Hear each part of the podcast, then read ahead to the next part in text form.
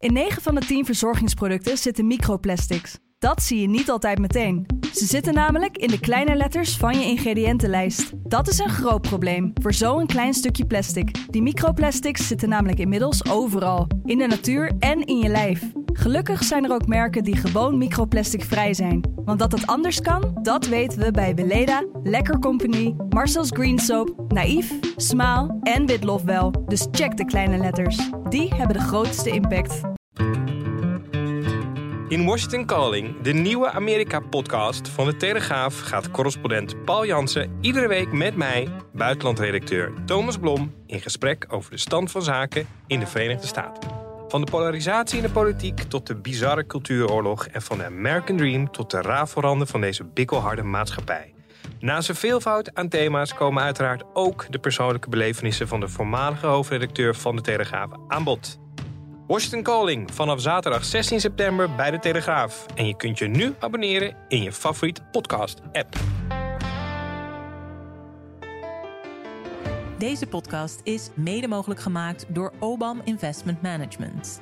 Al ruim 85 jaar Nederlandse beleggingshistorie met beleggen in aandelen wereldwijd. Ervaren, actief en met een duurzaam rendement investeren in uw financiële toekomst. Obam Investment Management, de kunst van het kiezen. Kijk op obam.nl voor meer informatie.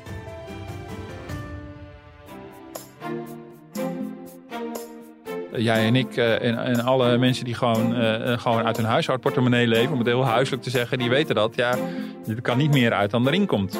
Dit is Kwestie van Centen, een podcast van de Financiële Telegraaf met Martin Visser en Robert Ophorst. Het zijn natuurlijk geen vogels, maar ben jij als liefhebber van alles wat vliegt en fladdert een beetje begaan met het lot van de vleermuis?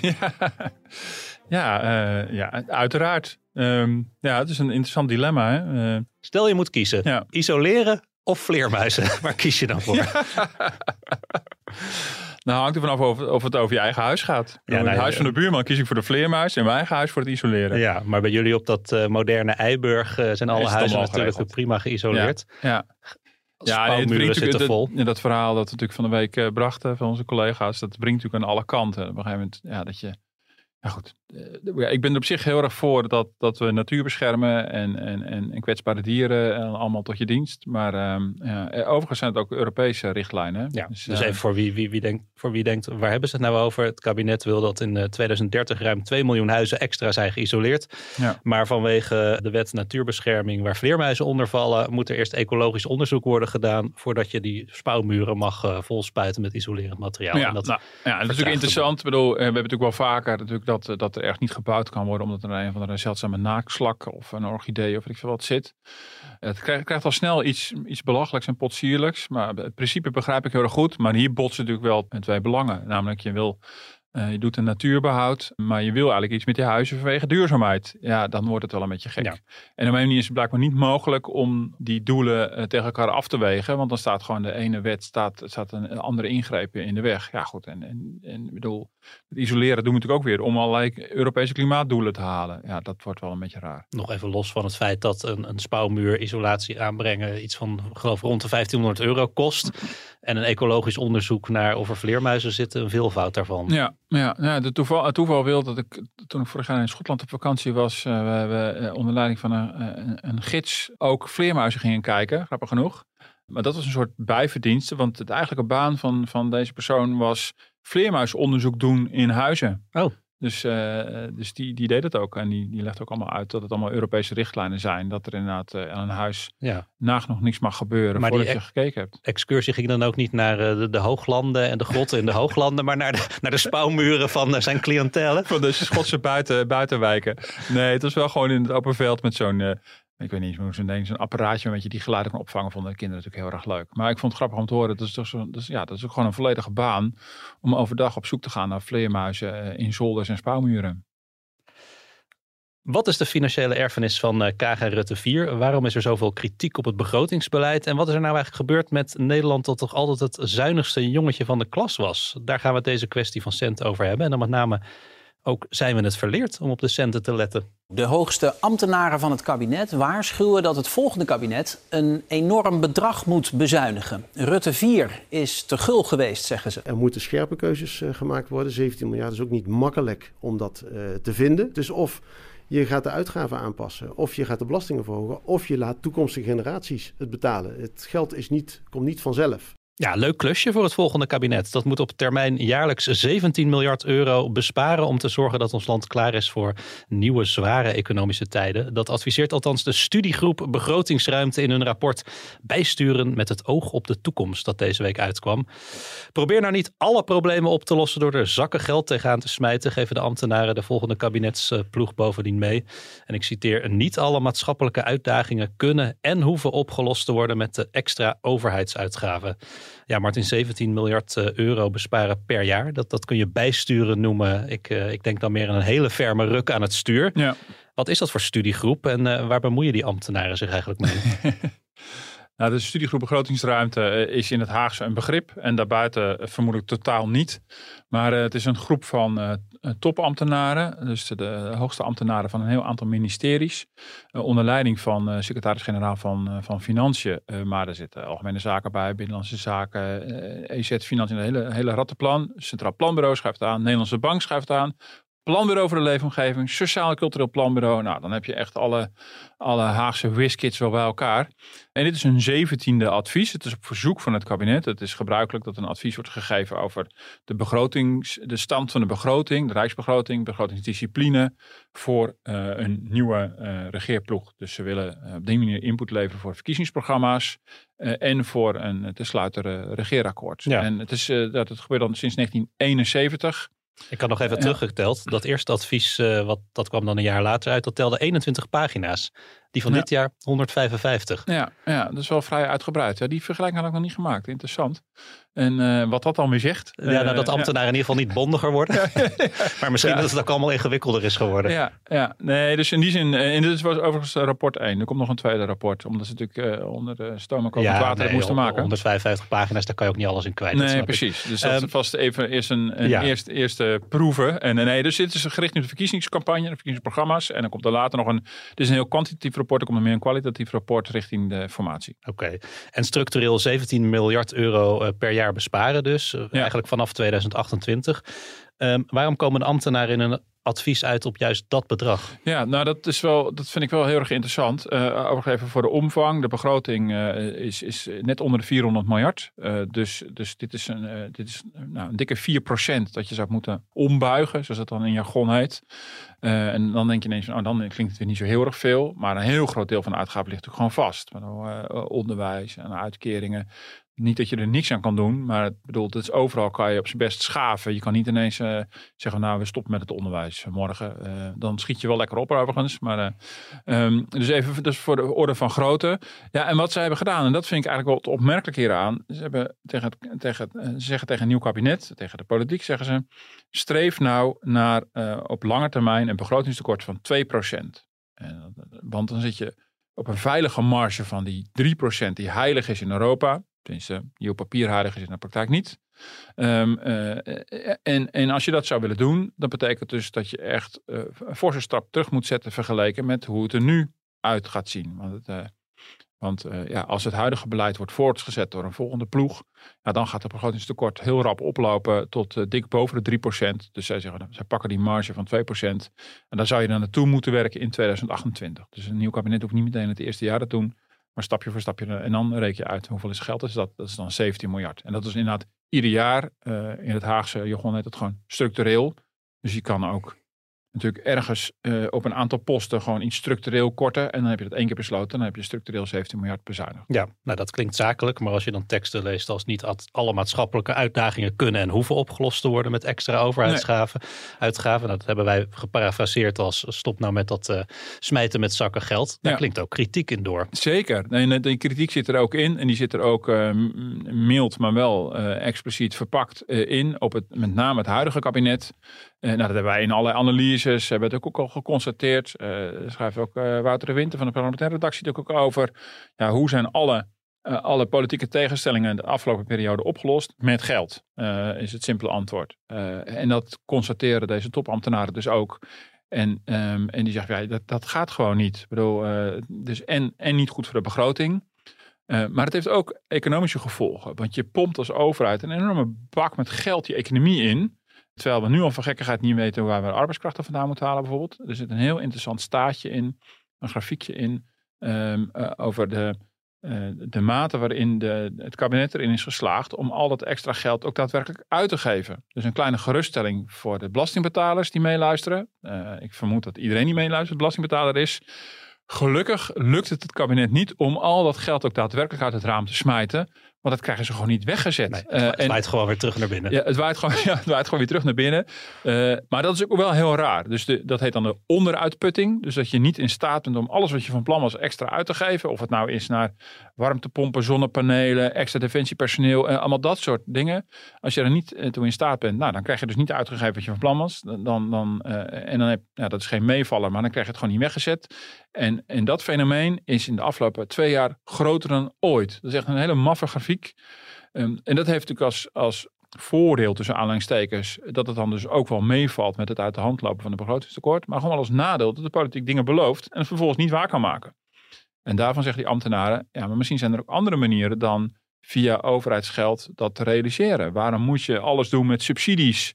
Uh, kan je bedrijven bijvoorbeeld niet gewoon ook uh, of wettelijk verplichten of desnoods financieel op een manier straffen als ze niet doen wat je wil. Dat is ook een manier. Dat kost geen geld. Um, maar de, deze, het de, de kabinet heeft ervoor gekozen om alles op te lossen met extra geld. En dan krijg je ja, toch een onhoudbare en onmenselijke situatie, zeggen deze ambtenaren. Allereerst moet natuurlijk het uitgangspunt zijn dat Griekenland alles zelf terugbetaalt. Want als er een stukje wordt kwijtgescholden, is dat ook voor een deel ons geld. Hè? Dat is deels geld van Nederlandse pensioenen, Nederlandse banken. Dus het uitgangspunt allereerst moet zijn dat Griekenland alles, iedere euro terugbetaalt. Ja, dat was uh, destijds minister van Financiën Jan Kees de Jager. Ik ja, zie je denken, dat waren nog eens tijden. Dat waren nog eens tijden, ja. Dat waren nog eens tijden. Ja, want het is niet de eerste keer inderdaad dat er kritiek klinkt op het begrotingsbeleid. Eerder dit jaar maakte de Raad van State gehakt van de voorjaarsnota van Kaag. Dat voldeed slechts uh, gedeeltelijk aan de Europese nationale begrotingsregels. En was lastig te doorgronden. Gaten in de begroting werden volgens de Raad van State gedicht met ongemotiveerde en ongerichte bezuinigingen. Het kabinet stuurde daarmee dicht tegen de vangrail. Met andere woorden, broddelwerk. Griekse toestanden. Griekse uh, toestanden, ja. ja. In Den Haag. Ja, wat, ja. Martin, wat is er gebeurd met het Calvinistische Nederland? uh, waar, waar het voor een minister van Financiën altijd een voorwaarde was dat hij een strenge schatkistbewaarder was. Nou ja, à la Jan Kees de Jager, die, die, die in Europa voorop ging om anderen op, de, op de begrotingsdiscipline te wijzen. Als aanvoerder van de vrekkige vier gingen, we, gingen wij in Nederland ook, uh, liepen wij te hoop tegen hoge schulden dit is toch on-Nederlands? Ja, zeker. We hebben een lange traditie, daarin uh, in Europa. We maken ons niet altijd even populair uh, in, Brussel en in de Europese hoofdsteden. En uh, dat, dat, doet het in Nederland dan weer heel erg goed. Er zit ook een beetje, een beetje een publicitair kantje aan voor heel veel ministers. Maar we weten Gerrit Salm, Il Duro werd hij genoemd in, in Italië, want de harde. Uh, omdat hij zo tekeer kon gaan. Dat vond hij leuk, denk ik. Dat vond hij hartstikke leuk. Vond hij een geuzetitel. Hij heeft overigens wel moeten toezien hoe Italië en Griekenland uiteindelijk wel tot de euro werden toegelaten. Dat dan weer wel. Jan Kees de Jager met deze uitspraak over Griekenland. Maar die ook zei, I'm Dutch, so I may be blunt. Ik ben uh, een Hollander, dus ik mag gewoon lomp zijn. Dus hij zag dat zijn taak om zich als een lomperik te gedragen.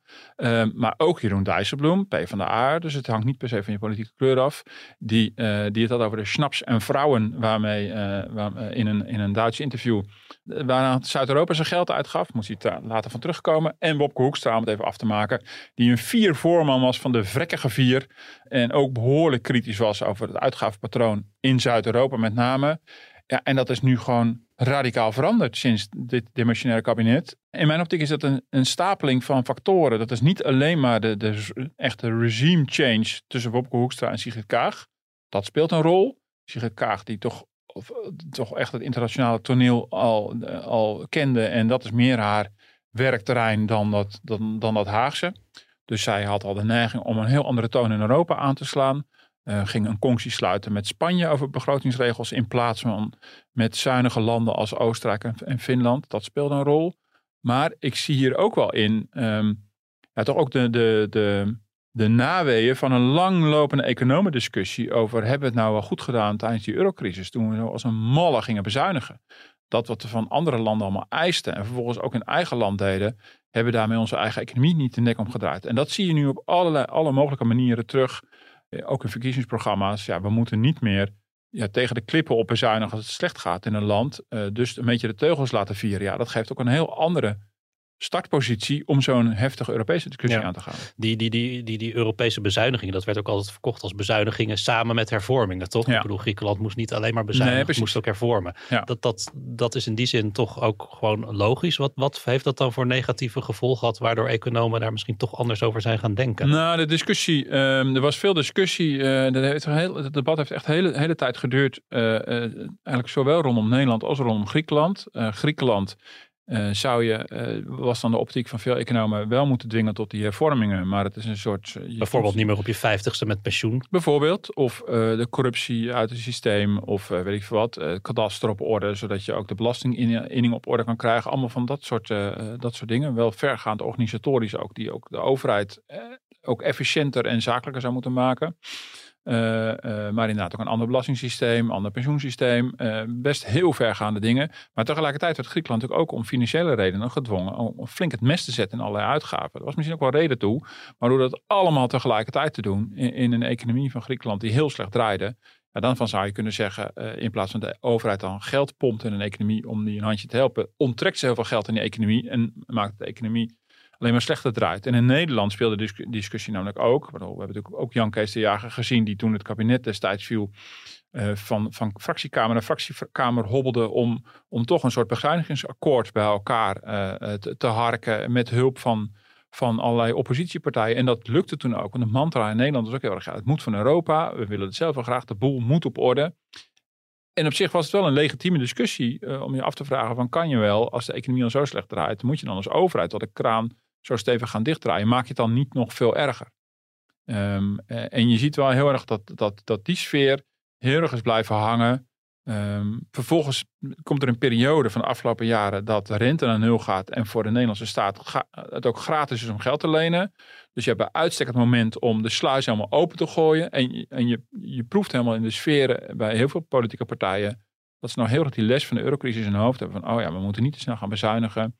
Dus uh, laat de teugels maar een beetje vieren en zo ondersteunen de economie. Uh, het is ook meer maatschappelijk al voor me geaccepteerd en politiek ook geaccepteerd dat de overheid een veel, um, uh, hoe dat, een sturender en dominantere rol moet hebben. Niet meer alles aan de markt overlaten, maar overheid moet sturen. Nou, dat, dat komt allemaal samen.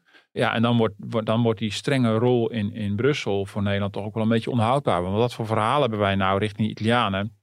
Als de erfenis van Sigrid Kaag is dat, de, dat het begrotingstekort uh, richting de 4% loopt, dan heb je toch geen verhaal meer. Nee, heel erg in het oog lopen natuurlijk die, die fondsen die er nu zijn. Een stikstoffonds, een uh, klimaatfonds, een, een, een, het, het Wopke Wiebesfonds. Dat heet geloof ik inmiddels het Groeifonds. Ja. Um, is dat dan het extreme gevolg van dit beleid? Nou, dat hangt er zeker mee samen. Het heeft een positieve kant en een, en een wat meer dubieuze kant. Uh, het begon ooit met InvestNL, de club die een tijdje onder leiding van Wouter Bos uh, stond. Die inmiddels nu, nu, nu weg is. Maar nou, dat was dan nog een heel klein fonds van een pak een beetje een anderhalf miljard euro. Dat, dat moest dan allerlei private investeringen lostrekken, zodat de overheid daar al een soort setje kon geven. En nou, dat, was, dat werd overtoept erop en erover met het Wopke Wiebesfonds, een miljard twintig. Uh, en, dat was echt ook ingegeven door het idee van het is, het, is, het is gratis om geld te lenen. We zijn gek als we het niet doen. Pompt het geld maar in de economie. En vervolgens kwam de Klimaatfonds en Stikfonds eroverheen. En die hebben natuurlijk ook politieke doelen met de gedachte, dat is dan de positieve kant. Wij moeten als Nederland allerlei, uh, uh, hoe zeg je dat, langjarige doelen nastreven. Klimaatdoelen rondom stikstof. dat zijn doelen voor de lange termijn. Dus het is ook goed als, dat een overheid zich voor de lange termijn committeert. Dit gaat over de periodes van regeringen heen. Uh, dus is het niet logisch om elke nieuwe regering weer te laten bepalen of er wel of niet geld naartoe gaat. Dus we leggen dat gewoon vast op voorhand. Dat is, dat is natuurlijk gedachte. En, en het idee is, ja, uh, het kost toch bijna niks voor de overheid. Dus uh, laten we dat geld dan maar parkeren. Dat gaat om, om echt grof geld, ook weer tientallen miljarden. Het grote nadeel is natuurlijk, ja, als het geld er eenmaal staat, Uh, dan, dat is ook een, een, een, kritiek, ook van allerlei ambtenaren, ook van de rekenkamer. Dan krijg je toch een beetje geld zoekt doel. Ik bedoel, dan is het geld er eenmaal. Dan moet het doel er nog bij verzonnen worden. Dat is echt een groot risico. Dus je, je loopt het risico dat het niet meer efficiënt uh, en effectief wordt uitgegeven. Um, en een grote bezwaar dat met name de rekenkamer noemt, is dat de democratische controle ook heel lastig wordt. Het is voor de, voor de Tweede, tweede Kamer heel lastig om erbij te komen. Van wie bepaalt dan uiteindelijk waar mm dat geld uit die fondsen voor, ja. voor besteed gaat worden. En dat is je ziet bijvoorbeeld de VVD wil geen nieuwe fondsen meer. Maar voor zover ik weet pleiten ze niet voor het afschaffen van de huidige fondsen. Um, maar dit is wel inderdaad in dat tijdsgericht ontstaan. En dat is wel een erfenis waar we nu uh, mee zitten. We zitten langjarig vast aan die uitgaven. Nou ja, dat speelde laatst ook uh, toen het ging over de, uh, extra geld voor het armoedebeleid. Dat er werd gesuggereerd van in de Kamer, meen ik, van kunnen we dan niet iets daarvoor uit de miljardenfondsen halen? Nee, dat kon niet volgens Kaag. Want die, dan, dan, haal je het uit een fonds wat voor een ander doel ja. gericht is. En ja. dat heeft ook een eindtermijn. Dus dan, en, en dat armoedebeleid moet structureel zijn. Ja, nee, en dat is dan voor de Tweede Kamer heel lastig om met de vingertjes ervan af te blijven. Want ja, je doet het niet voor niks natuurlijk. Ik je wil ook dat het, eh, dat het een soort steady uh, uitgavenpatroon is vanuit het fonds. De, de, de, gedachte is ook, dat is echt een beetje een soort begrotingstechniek. Dat normaal gesproken, als je iets niet uitgegeven krijgt in het ene jaar, dan, dan zou het misschien voor het andere jaar moeten worden gekort. Of het moet dan teruggesluist worden naar de staatsschuld. Maar als het eenmaal in een fonds zit, dan doet het er wat minder toe of het in het ene jaar wordt uitgegeven of het andere jaar. Dus het zou ook daarmee wat een betrouwbarer uh, besteding moeten zijn. Waar natuurlijk heel veel voor te zeggen is. Je kan natuurlijk over twisten of het zo groot moet zijn. Of het zo'n enorm beslag op de begroting uh, uh, hebben. Maar je ziet, dat staat altijd onder druk. Dat ze hebben een hele lange geschiedenis mee. In het verleden hebben we ook een VES-fonds gehad. Fonds Economische Structuurversterking. En daar werden dan allerlei miljarden ingeploegd die de overheid binnenkreeg aan, aan gasbaten onder andere. En die moesten dan in de vorm van economische infrastructurele investeringen worden weggezet. Nou, als een overheid denkt te gaan investeren, moet je altijd duvels goed opletten. Want voor de, voor de politiek is een investering lang niet altijd echt een investering zoals een ondernemer dat ziet. Ja, en dat is, ja, dan probeer je op een, op een goede manier dat geld vast te zetten voor een, een heel belangrijk, duidelijk publiek doel. Maar voor je het weet wordt dat heel fuzzy en, en onduidelijk en oncontroleerbaar wat er nou precies met dat geld gaat gebeuren. Ja, um, wat is er nog over van die vrekkige vier? Want dat, dat waren wij met Oostenrijk, Zweden en Denemarken. Toen we in 2020 uh, eh, samen ten strijde trokken tegen dat Frans-Duitse plan. om als EU-landen gezamenlijk uh, geld te gaan lenen. Om, ja. om, om, om, om lidstaten door de eurocrisis uh, te slepen. Zijn dat nu de vrekkige drie? Ja, nou, eh, ik hoor er helemaal niks meer van terug. Uh, misschien omdat Nederland er niet meer in zit, dat we daarom wat minder op letten. Uh, maar Nederland speelt in ieder geval geen rol meer uh, daarin op die manier. Nou, je ziet zelfs dat Bobke Hoekstra, die destijds gehaat werd, nu gewoon vrolijk opteert voor het Eurocommissariaat. Ehm, misschien nog wel wat gegrild wordt in het parlement. maar uiteindelijk voor mij gewoon die post gaat krijgen, lijkt me. Als het niet zo is, dan is het echt een spectaculaire ontwikkeling. Uh, dus dat, dat kan ook allemaal. Uh, uh, dat kan ook allemaal. Dus, dus ja, Nederland zal ja, toch op zoek moeten we naar een nieuwe toon in Europa. En ik zie her en der wel verkiezingsprogramma's die misschien wel terug willen naar die tijd. Ook bijvoorbeeld BBB, die, die, het over de staatsschuld heeft in het verkiezingsprogramma. Maar dan vooral niet onze eigen staatsschuld, maar die vooral die van Zuid-Europa. Die ook echt kritisch in de wedstrijd zit. Naar Dirk-Jan Epping. Ik heb niet meer bijgehouden welke partij die ook allemaal meer heeft gezeten. BBB, maar dat kan als deze podcast online staat weer anders zijn. Precies, dus uh, en een hele serie voor. Dat is iemand die heel eurokritisch is. Uh, dus ik las ook een beetje zijn toon in het verkiezingsprogramma. Dus dat is een partij die daar uh, nou, op zijn minst heel nuchter in wil staan. Maar ja, het hangt heel erg van de persoon van de nieuwe minister van Financiën af. En of wij als, als Nederlands kabinet straks ook gewoon ook gaan doen wat we van andere landen vereisen. Ik vind het al opvallende voorboden, zo begonnen deze podcast, dat de, de topambtenaren zeggen, ja, als je de 2% wil halen, dan moet je 17 miljard ergens vandaan zien te halen aan bezuinigingen. Ja, en 2%, de, ja, de regel in Europa was nog steeds, als het goed gaat met de economie, moet je streven naar een evenwicht op de begroting. Nou, daar hoor ik bijna niemand meer over. Onder een mond van ja, dat is uh, klimaat. En, uh, en een evenwicht is 0%. Een evenwicht is 0%. Ja, de, eh, jij en ik uh, en, en, alle mensen die gewoon, uh, gewoon uit hun huishoudportemonnee leven, om het heel huiselijk te zeggen, die weten dat. Ja, er kan niet meer uit dan erin komt. Kijk, de overheid is natuurlijk een beetje een ander ding. Een overheid blijft, een land blijft voor eeuwig bestaan, zo gezegd. Dus die kan ook niet failliet. Dus die heeft, die kan ook gewoon schulden aangaan voor een, voor een langere termijn. En heeft altijd weer belastinginkomsten. Dus niet helemaal vergelijkbaar met, met een huishouden. Maar eh, dus, dus die mag ook af en toe schulden maken. En dat kan ook heel economisch gewoon en politiek logisch zijn. Maar als het goed gaat, moet je, moet je streven naar evenwicht. Juist om een buffer te hebben om van het evenwicht af te wijken als het de poosje slechter gaat. Ja, en als de ambtenaren zeggen, nou voor de lange termijn vinden wij een tekort van 2% ook al acceptabel Ja, dan zegt het, als, als dat wordt overgenomen, dan zegt het al heel veel over onze positie in Brussel. En de vraag is of het overgenomen wordt. De stelregel is een beetje, nou, wat de studie begrotingsruimte zegt, daar trekt dan de politiek ongeveer 5 miljard vanaf en dat gaan ze proberen. Nou, Ja. Dan zou ze op, op 12 miljard uitkomen in dat geval. En dan hebben we dus structureel een, een tekort van, weet ik veel, eh, dik boven de 2%, 2,5%. Dan zitten we steeds tegen die Europese marge aan. Heb je toch helemaal geen verhaal meer richting Italië of Griekenland of Spanje. Ik wil premier worden omdat ik denk dat we samen op een andere manier politiek kunnen bedrijven dan in eh, de eh, afgelopen jaren is gebeurd.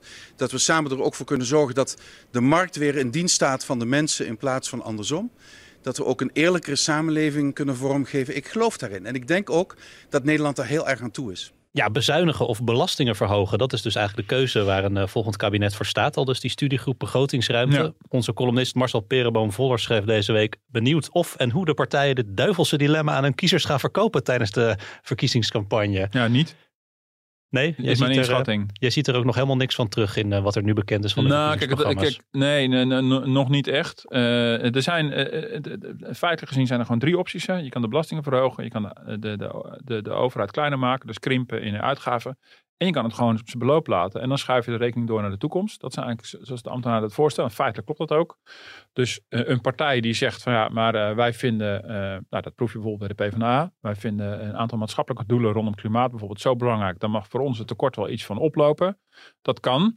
Eh, maar dan schuif je die rekening wel door. En dan zal de PvdA, eh, Timmermans, PvdA GroenLinks, vermoedelijk zeggen, ja, maar anders schuiven we de klimaatrekening door. Nou, dat is op zich een le- legitieme politieke afweging. Dus op zich is het wel goed om dat helder te krijgen. Dus in die zin zal het wel een rol spelen in de campagne. Ik kan me niet voorstellen dat nu partijen op een manier die 17 miljard eh, gaan invullen, heel concreet de komende tijd. Het enige wat we erachter zullen komen is dat op een gegeven moment, ergens begin november geloof ik, de doorrekening van het Centraal Planbureau aankomt. En dan hebben we wel een soort doorkijkje van wat betekent dit programma voor de financiële houdbaarheid eh, op de lange termijn. Maar goed, er zijn steeds meer partijen die niet meer mee willen doen aan die doorrekening. Dus we zullen het van een steeds kleiner aantal partijen, zullen dit ook echt zien. Ja, maar toch moeten ze er wat mee. Ja, ze moeten er wel, ze moeten Het uiteindelijk is wel iets mee. inderdaad niet een, le- een, een leuk onderwerp Nee. om eh, verkiezingsdebatten en campagnes mee eh, in te gaan. Nee, dus dus als ze er niks mee doen in de campagne, ehm, eh, omdat ze natuurlijk vooral heel veel mooie dingen beloven, dan zullen ze er uiteindelijk in de informatietafel wel iets mee moeten. Ook de partijen zoals BBB bijvoorbeeld, die hun, hun programma niet wil laten doorrekenen. Ja, dat klinkt allemaal heel stoer, maar als ze straks zitten mee te onderhandelen aan de formatietafel, dan gaan ze toch gewoon die molen in, of ze het nou leuk vinden of niet. Ja. En eh, daar, daar is CPB, het Centraal Planbureau, bij betrokken. De ambtenaren van Financiën rekenen alles door. En ja, het lijkt me ook niet onlogisch eh, dat je natuurlijk wel even een paar rekenmeesters laat kijken van nou dit zijn we van plan, wat betekent dat eigenlijk? Want anders dan is het gewoon eh, blinddoek voor en, eh, en vol gas en we zien wel waar het schip Ja. strandt. Dat lijkt me niet heel Als reden van dat niet doorrekenen wordt dan ook gegeven van ja, er zijn allemaal trucjes voor om het Ja. dan precies zo te plussen en te minnen dat je, dat je een mooi plaatje krijgt. Maar dat is eigenlijk staat helemaal niet, dat is een beetje losgekoppeld van de, van de realiteit. Ja, dus er zit een soort, papieren werkelijkheid. Ja, daar gaat omzicht, Pieter Omzicht op, na, op in, hè? ook in zijn, in zijn boek, geloof ik. En, en dat is een deel van zijn kritiek. Je kan heel erg tweaken, dat klopt. En, eh, dus dat is absoluut waar. Dus dat is echt het grote nadeel. En dat gebeurt volop. De verkiezingsprogramma's zijn in heel veel gevallen vrij algemeen. Dus ik, ik zag ook wel wat dingen terug. Ik denk, ja, dat, ja, in het algemeen, het VVD bijvoorbeeld, die wil wel weer terug naar prudent begrotingsbeleid. Ja, dat zou ik ook wel willen. Maar dan op een gegeven moment wel boter bij de vis. Ik bedoel, eh, ik bedoel, wat- VVD belooft wel eens vaker wat in verkiezingstijd. ja, zeker. En ik bedoel, wat betekent dat dan? En de grap is natuurlijk, als je dan, dan, dan krijg je de mannen en vrouwen van Centraal Planbureau aan je bureau. En die zeggen, ja, eh, geef me je programma, alsjeblieft. En zegt, ja, maar dit is zo vaag, dat kan ik niet doorrekenen. Dus dan word je gedwongen om de plannen dermate te concretiseren dat ze ook door te rekenen zijn. En dus dat is het positieve. Dus je moet met de billen bloot naar het Centraal Planbureau toe. Dus daarom zit er in die doorrekening soms ook wel meer nieuws dan de doorrekening aan zich. Namelijk dat je ook beter weet van, oh, maar dat bedoelen ze precies. Dus, oh, zoveel miljard. Oh, eh, eh, dat percentage. Dus dat is het mooie. Maar daar ontstaat ook, ook de ruimte voor onderhandelingen voor tweaken. Dus je krijgt natuurlijk een concept terug. En dan denk je, oei, de werkloosheid loopt in ons programma heel hard op. Of eh de begrotingstekort, dat zit, zit niet helemaal. En dan ga je net zo lang aan allerlei knopjes Ja. zitten draaien tot er een gunstig plaatje uitkomt. Ja, dat is natuurlijk ook weer een beetje onmenselijk. Is dat nou een manier waarop je als partij eh, je, je politieke wensen moet willen formuleren. Plus je moet daarna weer aan de onderhandelingstafel met uh, mogelijke kabinetspartners of coalitiepartners. En dan kom je misschien weer op iets anders uit. Dus Ja. het is ook niet helemaal misschien eerlijk om het vooraf al zo te specificeren. Als je al Nee. weet, we moeten misschien water bij de wijn gaan doen. Nee, dat is waar. Eh, dus dat is waar. Tegelijkertijd, eh, anders als je, als je niets meer aan doorrekening zou doen vooraf. Het is ook overigens heel Hollands om dit, eh, om dit te willen. Dus, eh, maar, maar als je dat helemaal niet zou doen, dan kan je natuurlijk alles beloven. Dan, dan, dan kan je gratis bier beloven en niemand die erop afrekent. Dan zeg je alleen maar, ja, maar waar betaalt u dit dan van? Bijvoorbeeld PvdA, die stelt een miljonairsbelasting voor. En dan, eh, dan zullen we zeggen, ja, maar meneer Timmermans, waar betaalt u al die prachtige wensen van verhogen van minimumloon en al die klimaatdoelstellingen? En, en dan zal hij bijvoorbeeld zeggen, dat betaal ik van de miljonairsbelasting. Nou, dan vind ik het wel fijn dat er, dat er, dat er mensen zijn die even fijntjes uitrekenen hoeveel die miljonairsbelasting oplevert. Nou, ik durf je een brief te geven eh, zonder iets te hebben doorgerekend. Dat is nooit genoeg. Maar dat doet, het, dat doet het natuurlijk wel heel lekker. Denk je, ah, de miljonairs moeten het betalen. En al helemaal niet voor, voor, Ja. de, voor de groene plannen die Timmermans gewend is te bedenken in Brussel. Precies. Nou, we hebben nu ja, misschien toch een klein beetje te weinig miljonairs in Nederland om, om al onze extra Ja, wensen te kunnen ik- financieren. Ik had, ik had de GL PvdA graag geholpen met dit probleem. Ja, ja, dus, dus eh, en, ja, en dat iemand dat even berekent. Oké, dat is allemaal leuk en aardig. Dat geldt bijvoorbeeld ook voor de winstbelasting van bedrijven. Ik zie ook, die wil de PvdA ook gaan verhogen. Dat kan wel, maar dan is het fijn dat het Centraal Planbureau zegt... nou, als je die wensen van zoveel miljard wil realiseren... betekent dat miljonairs of, of bedrijven zoveel procent belasting moet betalen. Is, is het dan nog steeds wat je wil? Dus op zich is dat wel goed. Maar ik ben het helemaal met je eens. Als je al voor de verkiezingen verzandt in... Ja, echt dit gedetailleerde gedimdam, dat wil je natuurlijk ook niet. Maar iets van een, een, een uniforme, kritische meetlat waar langs je programma's legt, is niet verkeerd. Nee.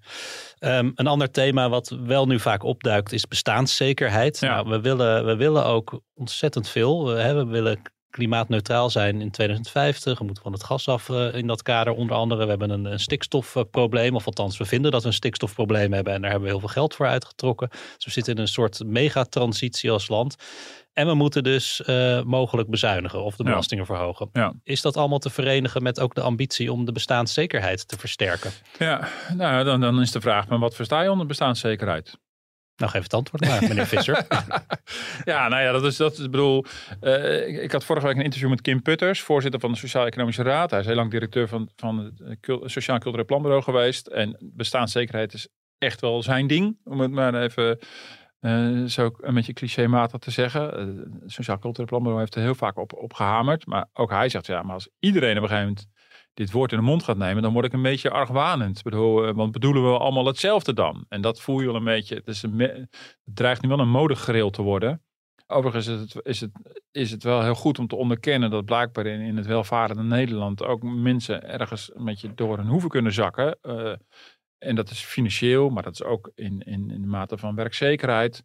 Dus ja, als je het echt heel goed wil aanpakken en het echt heel serieus neemt, heb je het over heel veel tegelijkertijd. Dan heb je het dus niet alleen maar over, over het verhogen van de bijstand, wat een populaire linkse manier is om dit, de- deze kreet in te vullen. Maar dan heb je het ook over fatsoenlijke huisvesting. Dan heb je het ook over baankansen, de kans op zekerheid van werk. Maar dan heb je het ook over toegang tot scholing en opleiding. Om je weer voor te bereiden op allerlei veranderingen op de arbeidsmarkt die, die er gaan komen. Dus je hebt het over heel veel. en dat lijstje is nog wel uit te breiden. Dus je hebt het echt over heel erg veel. En is dat Ja. door alle partijen helemaal, tot, helemaal zo doordacht? Of blijft het een soort. Gaat iedereen het maar noemen? Eh, onder de mond ja wie, ja, wie is er nou tegen bestaanszekerheid? Ik bedoel, dat zou ook heel wonderlijk zijn. Ja, ik ben tegen bestaanszekerheid Nee. en mensen moeten zo onzeker mogelijk zijn. Nee, natuurlijk niet. Maar dan, ja, als je het echt heel serieus van eh, nemen, dan, dan, dan ontstijgt het ook alleen maar eh, eh, het armoedeproblematiek. Ook iets waar ik met Putters over had. Dan gaat het over veel grotere groepen. Ja, het Putters heeft het ook over die groepen van je hebt, je hebt een baan en, en, en een huis, maar dan werk je eigenlijk niet meer om hogerop te komen, Nee. maar je werkt om te voorkomen dat je in dat die je armoede armoede valt. afglijdt. Ja. Ja. Dus dat is een risico dat bij sommige groepen in de middenklasse bijvoorbeeld een rol speelt. Het gaat dan, hij haalt er ook zelfs een kinderopvang bij. Eh, hoe ben ik er zeker van dat ik in die drukste periode van mijn werkende leven met jonge kinderen ook alles aan elkaar kan, kan knopen. Dus ja, je kan dit, dit begrip zo breed mogelijk, eh, zo breed maken als je zelf wil. En dan lopen waarschijnlijk de kosten ook op als je dat echt serieus wil eh, nemen. Dus ik ben heel benieuwd of het enigszins concreet gaat worden. Of dat iedereen eh, een soort buzzword is dat iedereen elkaar een beetje nabouwt. De rondvraag. Ik, uh, bij ons lag onlangs de hele stad open en ook bij ons voor de deur de, de stoep. Want KPN was glasvezel aan het aanleggen. Nou, ik kreeg daar wel een beetje. Ik ben helemaal voor vooruitgang. Dus ik kreeg daar wel een VOC-gevoel bij. Goed dat ze het doen. Ik heb ook meteen een abonnement afgesloten. Ik heb het hier wel eens eerder verteld. Hm. Um, maar wat, uh, wat schetst nou mijn verbazing? Nu, nu ligt weer de hele stad open, weer onze stoep. Maar nu zijn het, uh, hebben diezelfde mannen dezelfde stoep weer open gehaald. Alleen met een ander hesje aan. Niet van KPN, maar van uh, T-Mobile. Dat hebben ze nog niet veranderd in Odido. Maar om, om ook hun kabels aan te leggen. Ja. en dan gaat straks misschien Ziggo nog een keer voor de derde ja. keer het kunstje doen. En dan denk ik wel van, waar zijn we mee bezig?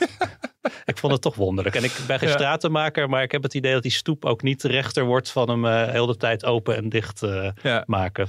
Nou, vroeger was het misschien zo dat, dat de overheid, toen niet alles uh, rondom telefonie en zo. Ja, ik ben had, helemaal voor, voor, ja. voor keuze hoor in, de, in, de, in de telefoniemarkt. Dat de overheid misschien in, onderling slecht samenwerkte en bureaucratisch was en zulke gekkigheid. Maar als je naar de markt verplaatst, dan krijg je natuurlijk ook dit soort, dit soort ja. tafereelen. Ja, het zijn losse partijen die van elkaar dat, ja, ze mogen dat waarschijnlijk ook niet zomaar samen doen. Dan krijgen ze meteen de, de mededingingsautoriteit op hun dak.